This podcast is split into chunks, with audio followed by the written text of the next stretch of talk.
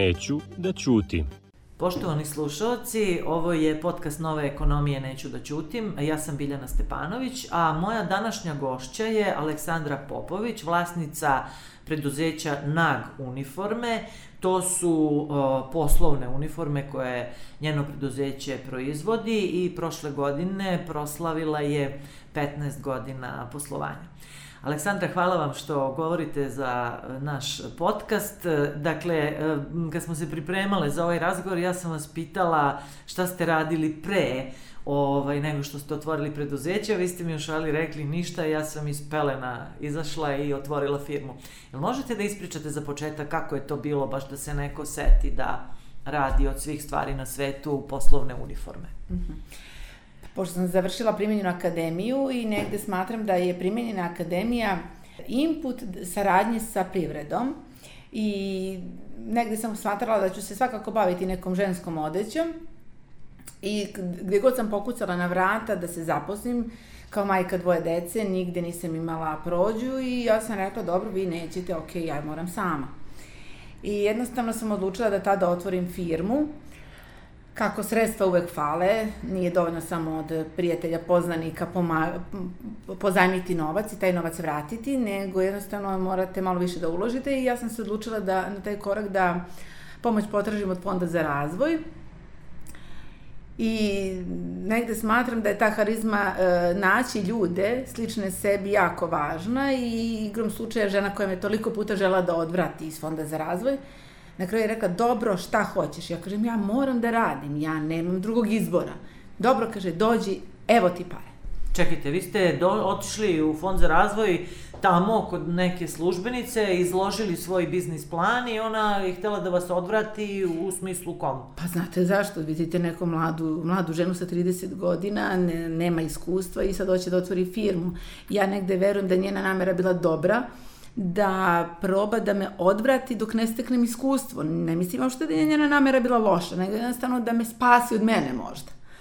A pošto sam bila jako tvrdoglava i uporna, ja sam želela da, prosto sam imala cilj, imala sam želju, imala sam plan. Ja sam rekla, ja moram da radim sve jedno, da li bi meni novac ili ne, ja da više idem da obijam pragove i da tražim da me neko zaposli. Ne želim, imam svoju priču i tome ću da se bavim. I onda je ona rekla, dobro, ja si 100% sigurna, jesam. Mislim, zato što je u tom fondu za razvoj stvarno bilo svega, da ljudi nisu mogli da vrate kredite. Ko znaš čime se ona susretala? I šta Upravo je stvari... vas zato i pitam. Da. Ja, poznato mi je to i um, potpuno je gotovo neverovatno da mlada žena uđe na vrata, traži kredit, nema, ili ste imali neka sredstva obezbeđenja, jer ona Imala traži. sam, da, da, e, pa morala sam da dam, svakako da. sam morala, ali ja kažem, ona je negde i mislila da mene spasi od mene, ništa, ona nije imala neku zlu nameru. I naravno mi smo danas prijatelji i sve to super. Ovaj, I ja sam tako eto uzela pare i kad su pare legle na račun, ja kažem, o, pa šta ćemo sad? Tek tada. Da, i onda sam pet godina shvatila da ja pet godina radim za kredit. Isključivo za kredit. Hvala Bogu, muž je dobro zarađivao, tako da porodica tu nije trpela. I pet godina sam radila samo za reference. Dan, noć, od sedam ujutru do sedam uveče sa dve male bebe, jedna pet i jedna tri godine i zato kažem ja sam bukvalno sa fakulteta rodila decu i otvorila firmu. Tako da ja neko predznanje i prediskustvo nemam i svih ovih 15 godina mogu samo da pričam iz svog sobstvenog iskustva. Kako vam je e, došla baš ideja, vi ste završili Akademiju primenjenih umetnosti, to razumem, kostim ili šta? Mm, dizajn tekstila. Dizajn tekstila. E, kako vam je palo na pamet da baš proizvodite poslovne uniforme? Jer to jeste niša koja je dobra, ali nije na prvi pogled. Pa ovako, jako volim da e, pričam sa ljudima, a pošto je moja mama privatnik od 82. godine i ona se isključivo bavila šivenjem po poručbini. I moja negde ideja je bila da od toga što ona e, osmisla to šivenje po zahtevu, da to negde samo pretočim u kompanije, u firme, u veće sisteme to što ona šije jednu haljinu, da ja šijem 100 ili 200. Da osmislim dizajn, ja, bi, ja sam presrećna 10% dizajna je uključeno u, u neke naše uniforme, jako mi je važan dobar materijal i kvalitet, sigurnost da kupci imaju. Jako sam slušala svoje uh, klijente. Zato i, i, zato i trajamo 15 godina, jer slušamo jedni drugi. A kako ste uopšte, kad ste, evo malo pre ste rekli, kad vam je legao taj novac na račun i jao šta ću sad, Kako ste vi stvarno krenuli, jer to je ozbiljan biznis, nije to samo da vi e, iskreirate, znate bolje nego ja to, i da krenete da šijete, to je hiljadu poslova koji su baš ono, biznis, zanat, šta ste radili, kako ste to učili? E, tad sam shvatila da pored toga što imam zanat u rukama, koji sam ispekla kod e, majke, i tu crtu likovnosti koju imam za dizajn, mi fali još mnogo toga ali to sam te tada shvatila, kad su pare legle na račun, da mi fali deo iz ekonomije, da mi deo, fali deo iz prava, da mi fali deo iz organizacije i onda sam shvatila da sam ja u stvari učila mnogo toga, ali mi treba još. I onda sam krenula redom zato sam i radila po 12 sati. Da bi sve stigla i da naučim i da proizvedem i da plasiram, jer sam bila sve od kurira do direktora. Šta sve ste radili sami na početku? Pa u početku nisam ni znala i onda sam, naravno tu je mama pritekla u pomoć, suprug je pritekao u pomoć. E, imala sam naravno i par ženica koje su to radile, ali u tom momentu je ovaj, za mene bilo šta ćemo sad, kako ćemo sad.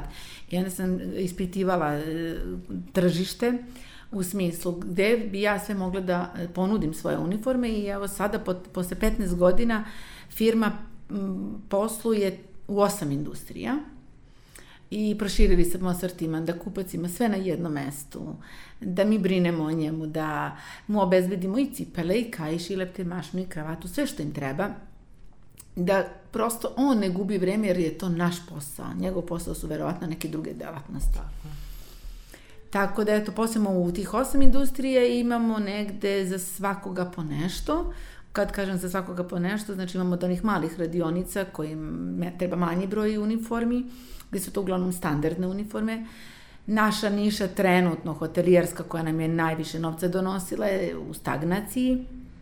Onda smo krenuli i na, na ove državne tendere da izađemo, da probamo, da vidimo. Jer znate kako, ja negde smatram sve što čovek ne proba, ne može da zna kako mu je. Da li je dobro ili loše. To je tačno. A kažete mi samo, uh, kad kažete da ste učili i ekonomiju i prava i sve to u, u hodu i mnogi privrednici tako rade, kako će drugačije. Neki od njih su mi govorili da ih je to zapravo mnogo koštalo u greške, učenje. Jedan od njih mi je rekao, mogo je lepo na Cambridgeu jednu godinu da završi da. samo od grešaka koje je morao da plati. Kako ste vi prošli tu?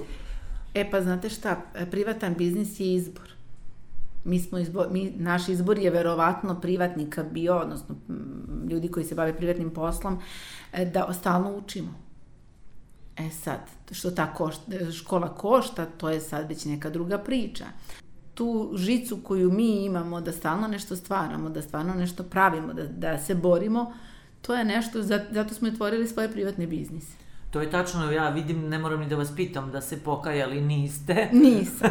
Očigledno. Međutim, naišla je korona na koju niko nije računao i sve, svi su se planovi poremetili. Sami ste pomenuli, hotelijerska industrija je baš najviše, naročito u ovim gradskim hotelima, pogođena. Kako ste vi prebrodili ovu prethodnu godinu? Prvo, kad je krenula ta cijela priča, ja sam se prvo u jednom momentu uplašila, ali moj strah je totalno drugačiji možda. Ja sam se uplašila, rekla sam, ok, ajmo sad svi malo da odmorimo. I tada smo ljude ovaj, poslali, jedno, mislim da smo bili skoro meseci i po dana ovaj, na radili su od kuće koliko su mogli, odmore i tako dalje, dok sam se ja prva presabrala, ne možete vi da vodite nikoga ako vi ne znate kuda ćete. I onda sam rekla, okej, okay, ovo ne može da stoji ovako. Moramo da nađemo te druge alternative. Okrenuli smo se onda medicini. Hvala Bogu imamo dobru klijenta s kojim sarađujemo 5-6 godina iz inostranstva i ona mi je stvarno izgurao sve to, kompletno ovu koronu. Uh, E, tako da te uniforme koje radimo za inostranstvo, to nam je bilo dobro.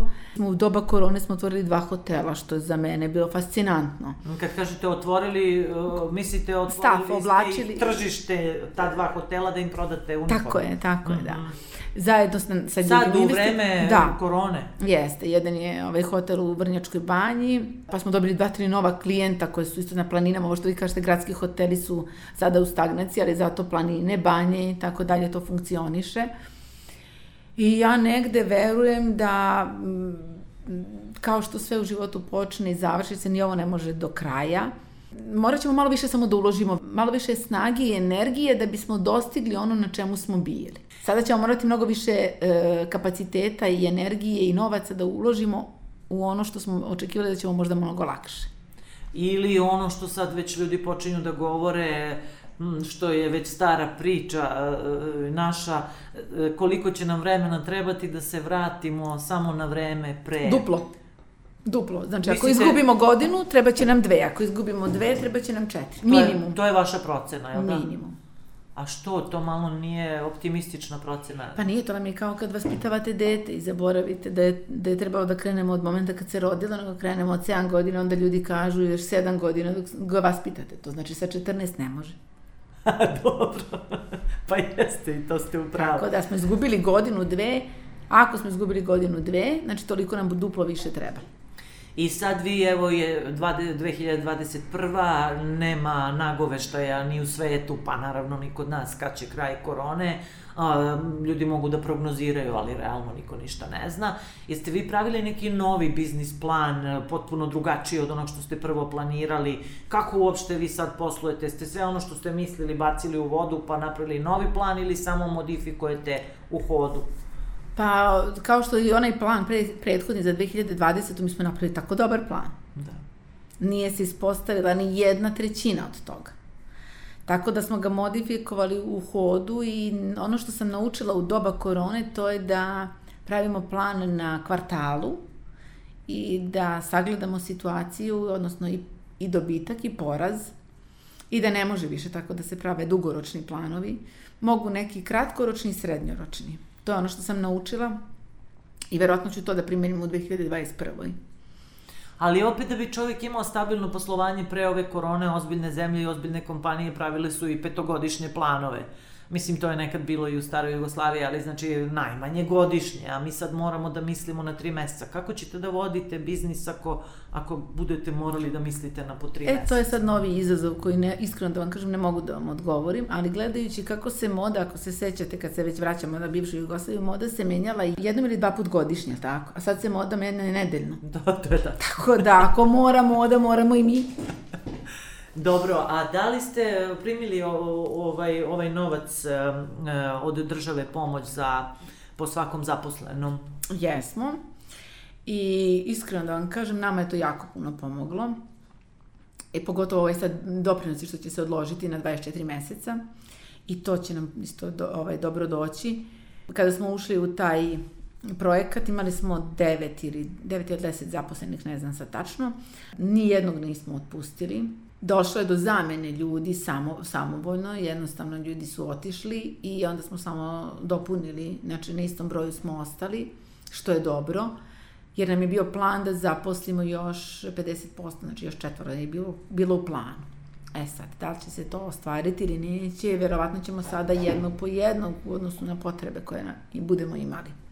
A vidite, ima ljudi koji su recimo nisu uzeli e, tu pomoć od države jer im to vezuje ruke upravo da ne mogu nikog da otpuste, a oni razmišljaju o tome da ne znaju šta ih čeka sutra ni za naredna tri meseca. Onda su mislili da je to mač sa dve oštrice. Jel vi dalje ostajete pri tome, pošto je i predsednik najavio da će ponovo biti neke pomoći, do duše manje, možda pola minimalca ili šta znam šta će biti, da li ćete opet da uzmete pomoć ili se sad situacija promenila? Mislim da sada smo malo stabilniji, iskreno da vam kažem. Što se toga tiče, mislim da ovaj put nećemo, jer pola minimalca nam u ovom momentu ništa ne znači. Najveća stavka su tu negde osnovne plati doprinosi. Više mi znači ovo što su doprinosi odloženi, da ne mora sad u cugu da se plati i ovo što se dodaju neke nove takse, tu se recimo ne slažem, koje kakve nove takse koje nam stižu i pristižu, nemam ništa protiv toga, smatram da i poreze i doprinosi i sve to treba plaćati da bi država funkcionisala, ali negde smatram da u ovo vreme nije, nije moment. Da ako svi treba da osetimo, onda to znači stvarno svi a ne samo privreda koja u stvari puni budžet. Ali vam se čini ponekad da, na primjer, se to baš ne shvata dovoljno u, u zemlji? Plate u javnom sektoru su 20% veće nego plate u privredi i nekako, bar se meni tako čini, uopšte ne postoji svest o toj pro, jednostavnoj rečenici koju ste vi sad rekli, a to je da privreda puni ceo budžet i od toga svi žive. Jel vam se čini nekad da da niste ravnopravni? Pa nismo ravnopravni. To definitivno nismo ravnopravni. Što se tiče plata, njima u nijednom sektoru nikada ništa nije bilo smanjeno, njima se samo dodavalo. 70% e, kapitala je u rukama države. I plate, ja uopšte ne mislim da smo mi jednaki sa njima. Ne znam kako bi to trebalo da se uradi, ali negde domaćinski moramo da vodimo računa o svemu. Šta će se desiti ako se svi privatnici ugase? Pa to je sad pitanje, to je pitanje. Postoji... Mnoge firme neće izdržati. To, to sam upravo htela da vas pitam, jer postoje firme, postoje preduzetničke radnje, zanatske radnje, e, nekako, e, ja ne znam kakav je vaš utisak, da li su nekako u zapečku i nešto se i ne gleda i ne razmišlja i mi smo i dalje uljuljkani da ta kriza još nije došla, a ona je tu. Mnoge firme i sada imaju probleme. Kako vama to izgleda? Da, možda ću sada da kažem nešto što nema veze sa vašim pitanjima, ali to je ne, negde nešto što mene tišti. To je nacionalna služba za zapošljavanje. Hmm. Ja ne vidim njenu svrhu. Apsolutno ne, ne vidim, vidim ni ja već decenijom. e, to je prva stavka koja mi jako mnogo smeta i to je neko koji sisava novac. Bez ikakvog zadatka, bez ikakvog organizacije, bez ičega. To je prva stavka. Druga stavka smatram da je svest naroda što vaspitanja od kuće i tako dalje, nemoj sine da radiš za 300, ajde bolje radi za 500 eura ili dinara, koliko god nije ni važno, nemaju radne navike. To je prva stavka i ono što mi još smeta, a to je ne možemo mi da unapredimo svakog, dogod bude postala siva ekonomija. Znači, ja sam za sve što se radi, zaradi da se plati porez. Ali kako ja, tako i svi ostali. I dok god budemo imali levu i desnu stranu, leva ruka da ne zna šta radi desna ruka, mi ćemo biti u ovakvim problemima. Kako ćemo se kobeljati, ne znam. Ja sam negde, uvek me deda učio, sine, protegni se onoliko koliki ti je krevet, tako da ja plivam u onome što mogu. Da bi mogla više i da bi umela više, to znam, ali mi treba ipak podrška. Stabilne zemlje. A jel osjećate vi taj neki pritisak e, nelojalne konkurencije u sivoj ekonomiji? Na to su se naročito u tekstilnoj industriji a, ljudi stalno žalili. Ono što meni je strašno da svako kogod ima jednu, dve mašine, on je otvorio firmicu. I šta si ti napravio? Napravio si ti da radiš u stvari za jednu platu, jedan doprinos i porez državi. Zar nije logika da se 5, 6, 10 dobrih ljudi ujedini oko jedne zajedničke priče?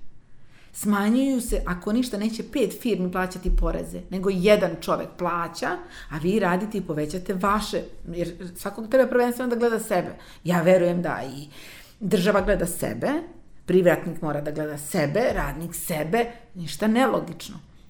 Koliko ćeš ti para imati u novčaniku, toliki si vlasnik ili gazda, pošto je sad jako važno da si budeš gazda. To je najvažnija stavka. Ovo što nije lako, kogod misli da je lako, želim mu svu sreću ovog sveta. Ali vidite, ja sam to primetila, to je možda u našem mentalitetu. Ljudi misle da je lako kad gledaju vas kako radite. Međutim, kad im kažete, pa dobro, idi u agenciju za privredne registre, ponesi, ne znam ni sad koliko je košta, 5-10 hiljada dinara, otvori firmu, pokloni se i počni, e, to već nije tako. Um, s druge strane, pamtim da sam radila intervju sa jednim Amerikancem iz USAID-a, a, oni su podržavali drvnu industriju po Srbiji. I on je čovjek bio zapanjen ne samo da proizvođači, ti mali proizvođači nameštaja od drveta, neće da sarađuju, da se ujedine, nego svako vozi svojim kamionom to malo robe, pet stolica za Beograd, ni da iznajme jedan kamion šleper pa da se udruže da dođu do Beograda. Pa kako vi objašnjavate taj fenomen? Pa nema šta mi, to samo možda treba da prepišemo jer je to već nekada postojalo. Su postojali snafi uvek. To je upravo to. Samo prepišite ono što je dobro, nadogradite sa modernim tehnikama i tehnologijama. Završena priča. Problem je nelojalne konkurencija. To je, mislim, da nije samo to zbog ekonomije, nego i svest. Pa to. Ali... Što ćeš ti meni, što ću ja tebi. To je neki mentalitet Nema tu tako neke pomoći. Pa upravo u toj stvari ne možemo se žalimo na državu. Ne, to vas nema, to je pojedinačno. Znači svako i možda tre, ne kažem ja, svi, svi treba da daju doprinos. Mediji, država, mediji, da promovišu kako je to dobro. Zašto? Do- Dođe neki ekonomista da nacrta, jer niko iz bilo koje sfere preduzetništva nije ekonomista po struci. Mi znamo običnu matematiku, najoprostiju, ali mi sada o sve te detalje, treba neko da kaže, ok, ja mogu to da vam pomognem. Evo ovako, uštedećete, pa bolje podelite to, vas, petorica na to, nego da dajete svako za sebe. Ali kad bi neko, neće ljudi ljudima da se bave. Možda ljudi i nemaju vremena, bave se svojim poslom, održavaju svoje firme, radnje, šta god i nemaju vremena da se bave time. Možda je samo to u pitanju. Ima svega pomalo. Jeste. I šta vi sad recimo planirate e, kao neki način da o, opstanete dok ova kriza prođe ili je za vas već najgore prošlo i ono posle prvih mesec dva pa ste stali na noge? Kako vam je? Ne mislim ja da je prošlo. Ovo će svakako imati odjeka i u 2021. verovatno i u 2022. sigurno. Mislim da je negde naša prednost kao male firme fleksibilnost, da možemo brzo da se preorijentišemo i da radimo. Da li će to da budu maske, da li će to da budu uniforme za hotele, da li će to da budu uniforme za zdravstvo, bilo šta. Znači, mi smo fleksibilni. Velikim sistemima je to mnogo teško. Nemamo ni veliki broj ljudi gde su isto plate koje su ogroman trošak. Mi baš tako sarađujemo sa Mi imamo jednu svoju radionicu i sedam eksternih radionice sa kojima sarađujemo. I ja jednako koliko brinem o svojih deset, toliko mislim i o ovih ostalih 130 koji uslužno rade za nas. Pa da, i oni su vam deo lanca. Naravno, nisu nam isto važni. A kad ste malo prepomenuli, sine, nemoj da radiš za 300 evra, radi za 500, dobro, svako više voli za 500 nego za 300. E, nalazite li radnike ili kuburite da nađete kvalitetne, vredne, radne, pametne? Kakva je situacija? Pa tekstilna industrija je skroz propala. Znači, što sada š- trenutno što ima ljudi koji rade, to su uglavnom 45, 50 pa na gore. Mladih ljudi nema. Um, ja sam pokušala svoje vremeno pre jedno sigurno deseta godina da mom profesoru, tada mi je bio profesor ovaj, prakse, da mu objasnim gde je problem. Ono što smo mi zagovarali privatna praksa kod privatnika. Pa evo ga sad dualno E, sad im je- obrazovanje. A sad je kasno. Sad, znate koliko smo zakasnili? Za tekstilnu industriju mi smo zakasnili 15 godina. Zašto? Pa zato što kad, tad kad se pričalo, niko nije hteo da sluša. U mom razredu, tada, smo samo sestre i ja bile e, na privatnoj praksi. Svi su bili u školi. Šta vi mislite, koliko može da se nauči ako se radi samo jedan dan nedeljno? Pa Ništa. dobro, ne može, naravno. A mi smo morali, jer je moja mama otišla kod direktora i zahtevala da, im, da nam ona bude mentor, a oni su rekli, pa vi ćete njih da štitite. Ona je rekla, ne, ja hoću moju decu da naučim i osposobim za život. Mi smo svaki dan išli. Svaki dan. E, to je ono, ne kažem, ajde, ne moramo svaki. Ajde, nek bude tri puta. Ne može zanatska škola da ide jednom nedeljno. Nema, nema rutine, nema, nema iskustva. Vi ono što se radi u prošli utorak, vi do sledećeg utorka zaboravite. A vidite kad se govori o sad dualnom obrazovanju, postoje bojazni i to je u javnosti često bilo, da će zapravo ti mladi ljudi da budu izrabljivani kod poslodavaca, da će poslodavci da ih drže samo dok su eto na toj praksi, a onda će da odu, ostanu negde nezaposleni na birovu, poslodavac uzima nove ljude na praksu i praktično živi od nečijeg besplatnog rada, a ovi ljudi opet odlaze na tržište na kome ne mogu da nađu posao. Jel imaju logike te? Ali vrlo jednostavno. Možete napraviti ugovor sa, sa, sa, sa školom, sa detetom, sa roditeljima tog deteta. Jel možete? Napravite. Dve godine ću ja da te obučavam, pa ti meni četiri godine da budeš radnik. Ne, ne, reč je da se poslodavcu to ne isplati, da on želi da drži na praksi, da koristi besplatan rad, onda to dete ode, završi školu, ne nađe posao, on uzme novu decu, sledeću generaciju. Kontrola iznad poverenja. Jednostavno. Kontrolišite privatnike. Kontrolišite te ljude koji pre, preuzmu decu na praksu. Da. A ne, nego niko neće. Direktori, izvolite decu, deca rade šta hoće, privatnik radi šta, niko nikog ne kontroliše. Kad kažete da se privatnici i vi, na primer, zajedno sa njima e, lako prilagođavate jer ste mali, je li imate vi sad, na primer, neki rezervni plan, šta ako sad moji klijenti koji su takođe, recimo, siromašili i ne mogu da, da uzimaju uniforme i ne, nemaju novca, šta sad vi radite? Da vam kažem nešto, ja ne verujem da je svima loše. Uvek je, kako kaže, i u ratu negde bilo dobro, negde bilo loše. Samo je poenta oslušnuti tržište, gde je to dobro. Jer tamo gde se preliva, to je taj novac koji treba neko da uzme. Ne znam gde je, ali negde se preliva. Ne može svuda da bude, da je svima loše. A jel koristite kredite neke sada? Pa, uzela sam kredit od Fonda za razvoj, ovo sad što je bilo baš za COVID. Jednu trećinu su me odobrili u odnosu na ono što sam tražila i to je meni okej. Okay. Jako mi je bilo važno u ovoj godini da budemo likvidni da budemo ok sa našim dobavljačima, jer negde smatram ako bilo koja karika pukne, ne može da bude dobro. To je domino efekat. Ako ja ne platim mom dobavljaču, ja ne mogu da ugovorim bilo koji sledeći posao da se osnovim da će on da me prati. Bilo je puno m, primetbi, sumnji, kako god to da nazovemo, da praktično uh, novac od Fonda za razvoj formalno postoji, na sajtu ima e, da nađete uslove, da popunite prijevu, da pošaljete, ali se novac ne može dobiti. Vi ste sad primer da se može dobiti, da, niste, da li ste vi možda dobili na osnovu, ajde da kažemo, tog minulog rada, stare slave toga što ste već ranije uzimali i vratili, Kako ste uopšte dobili pa, verujem da je i to. za razvoj? Uh mhm. -huh. Verujem da je i to, jer znate šta, negde se gleda, jeste vi vratili ste na vreme, ste kasnili, niste kao i banka što gleda, tako gleda verovatno i fond za razvoj. Iskreno, ja sam se obratila direktorki fonda za razvoj jednim dobrim mailom, kao pravno lice, žena je shvatila poruku, da li sad oni tamo, ja ne znam kako su oni uglavnom radili, ništa ne je bilo ne, dogovoreno ali smatram da treba čovjek da bude uporan. Ima toliko fonda, ima razvojna agencija Srbije, pa ne znam, raznih tih fondova. Ljudi misle da će neko da dođe da im pokuca na vrata.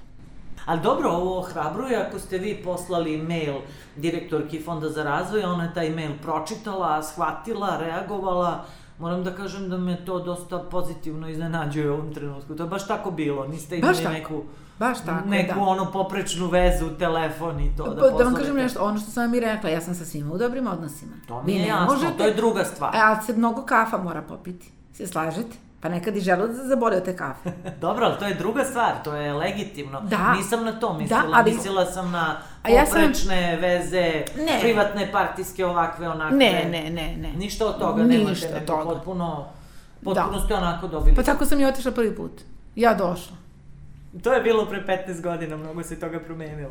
Pre 15 godina i tad je bilo, znači ja kad sam tad čula od ove moje referentice, pitam šta je bilo, vidim žena nezverena, šta je bilo, kaže ne mogu da ti pričam. Čovek je uzeo kredit, pa je umro. Sin nasledio i kredit i sve to što otac radio u problemu, ne znam dakle da se, ne zna da se sastavi. Sad mu otišla i ta kuća na hipoteku, pare morao da vrati I ja zato kažem da ona negde imala možda dobru nameru samo. Jasno mi je, mada ovo što ste pomenuli opet dovodi nas na drugu jednu priču, a to je da to je negde boljka, rak rana o kojoj se ovde uopšte ne govori ili se slabo govori. Nisu privatnici koji su nešto napravili u velikom broju slučajeva osposobili drugu generaciju. Da. I onda mi je puno njih pričalo, sada su to ljudi koji su došli do penzije, eto neko umre, napravili su neku firmu, neko delo svoje životno, njihova deca ili nisu sposobne ili nisu zainteresovane, druge menadžere sa strane ne mogu da nađu i oni su u problemu šta sad da rade sa tom firmom koju su stvorili. Evo, ako ja ću jednu stvar da ispričam, kad uh, pošto sam ja i sestra iz tekstila i mama je, znači je to privatnik od 82. Kaže mama ovako nama, šta sam ja to vama radila da ste se vi inficirali tekstilom? Erko, sad ću da ti kažem šta si radila. Nikada nisi rekla da je, pro, da je nešto teško, da je neki problem, da je nešto nerešivo. Uvek si nam svoj posao prezentovala kao najljepšu stvar u životu. Ja više znam e, priče iz anegdote nego kako se možda ušiva džep. I ti si mene pridobila tom pričom sestra uh, je uvek volela tako da kreira, da ne znam, s mamom radi šablone i to. Znači svaki roditelj koji posao donese u grču kući, normalno da neće imati generaciju koja će da ga prati. E sad mi treba da im objasnimo, ok, jeste teško, ali nije nemoguće. Tako i sve je u životu teško. Ili možda deci daju previše, jer zarade neki novac i onda po sistemu daću detetu šta ja nisam imao ili... To je najgora varijanta. Da, i onda deca ni, ne nauče, ne, nemaju oni averziju prema tom poslu, nego prema svakom poslu kao takvom. Nemaju radne navike, nemaju vrednost novca, koliko šta košta. E, ja moja deca kad su počeli prvi razred i sad mi nešto radimo, ja kažem pišite ove etikete. Kaže pa ja ne znam, si pismene, znaš tih 30 slova, znaš brove, znam, pa piši. Pa kao nije lepo, pa bit će lepo, polako. Nisam se zamajavala sad da li je to lepo napisano. Prvi, drugi, treći razred uvek su bile uključene u posao. Uvek su dobijale neki deo novca za to što su radile, da bi onda one sebi priuštile to što žele. Jedna sad ima 19, jedna 18 godina, Mislim da je jako važno samo stvoriti radnu naviku i dobre radnike. Vi gde god odete, vi morate biti radnik, pa i u svome ste radnik. Pre svega I kod, njega, I kod nekog drugog kad odete, vi ste radnik. To je tačno, pre svega ste radnik, mada dosta ljudi zamišlja da kad otvori firmu biće gazda, ali takva firma ne može da opstane.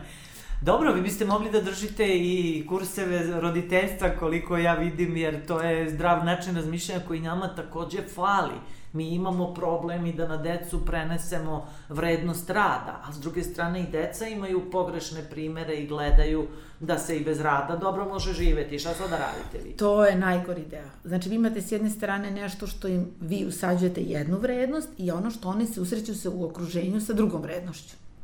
I to pomiriti, ja mislim da je to najveći zadatak svakog roditelja.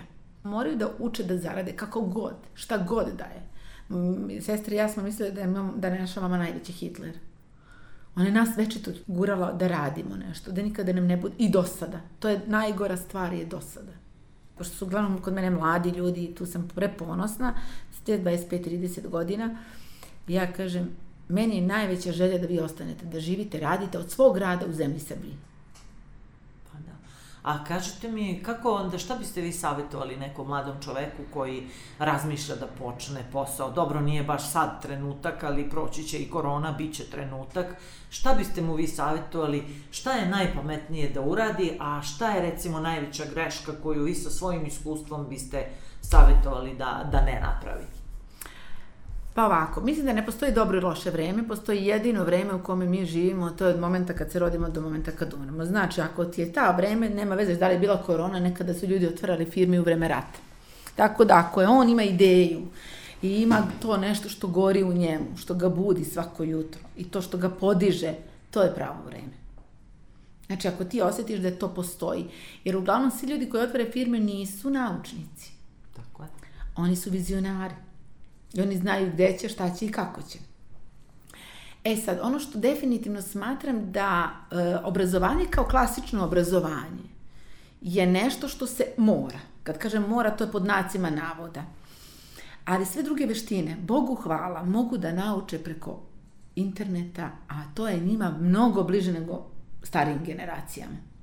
Znači, svaku veštinu koja vam je potrebna za biznis možete da naučite. Tako da nema izgovora. Ko hoćete, vi ćete.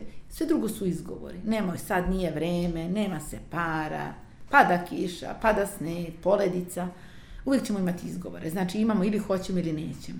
Pa to je ona stara stvar, kad nešto hoćete vi nađete način, a kad nešto nećete vi nađete izgovor.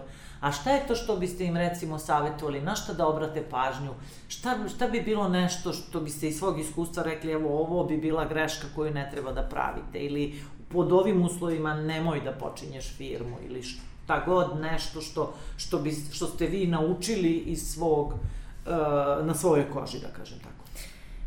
Jo, ne znam da to pitanje pravo da vam kažem, jer ja negde smatram da sam svaki, svake godine gorela i isticala iskustva i ono što je vaš sagovornik rekao, jeste to skupo, jeste to da košta, ali ja to ne bi menjala ne bi menjala. Ja ne znam da li bi mogla toliko da rastim i da se razvijam da sam radila negde drugde. Možda bi ceo život radila samo jednu oblast. Ovako imam tu širinu koju mislim da mi je važna za, da uopšte vodim ljude, da vodim biznis, da, da imam neku ideju, da imam neki plan. A nemate osjećaj, ja recimo imam taj osjećaj, mnogo bi mi značilo da sam u nekim trenucima imala nekoga da mi kaže, e vidi nemoj, tu je kamen, tu ćeš da se spotakneš za obiđi, nego što sam naučila na svojoj koži o svom trošku i, i Da. nervima. E vidite, tu ima jedan mnogo dobar program, to uglavnom ima u inostranstvu, ne znam da li ima kod nas, taj e, mentori. Da. Mislim da, Ovde po projektima ima neka, ono, kad postoje projekti, ali nije da je sistemski. da, nije sistemski, znači ti mentori koji su na zalasku karijere, oni tako široko grudo vam daju iskustva i priče. To ne možete da dobijete od, kolega koji su vama bliži godinama i po, znači kad i kažem godinama, to mislim i godina u firmi i godina e, životnih. I taj mentor može da bude od velike koristi. Da, to se slažem. Ne znam da li ima to kod nas. E, zato sam rekla one kafe, sećate se kad sam Da. rekla. Jako puno kafa sam ja popila sa ljudima koji nisu iz moje branše, koji su 10-15 godina u datom momentu bili stariji od mene. Čemu su služile te kafe, tačno? Kada pričamo o poslu, onda je bilo, ne znam, nemoj ovo, pazi ovde, upravo to. Mo, treba da nađeš ovoga, treba da nađeš ovakvu osobu. Pa dobro, ali vi ste imali veštinu da nađete takve ljude i da oni potroše vreme sa vama. intuitivno. Ne to što vi kažete sad da mi kažem, znači ja sam to intuitivno negde osjećala da mi treba, daj mi još, daj mi još, daj mi još informacija, još. To je intuicija neka moja. E sad, da li to, neko, da li to svi ljudi imaju, ne znam. I kako bi se oni izborili, to ne znam. Ali sistemski nemamo mentore. Ali izgleda da svako ko hoće da se bavi nekim privatnim poslom mora da ima neki žar, koliko ja Najvažnije. To je najvažnije, jer to je jedino što će se ugasiti posljednje sa vama. Dobro, da onda ovako i završimo. Hvala vam najlepše. Hvala i vama. Naša današnja gošća je bila Aleksandra Popović, vlasnica kompanije NAG uniforme, poslovne uniforme. Ja sam Biljana Stepanović, a ovo je podcast Nove ekonomije, neću da ćutim.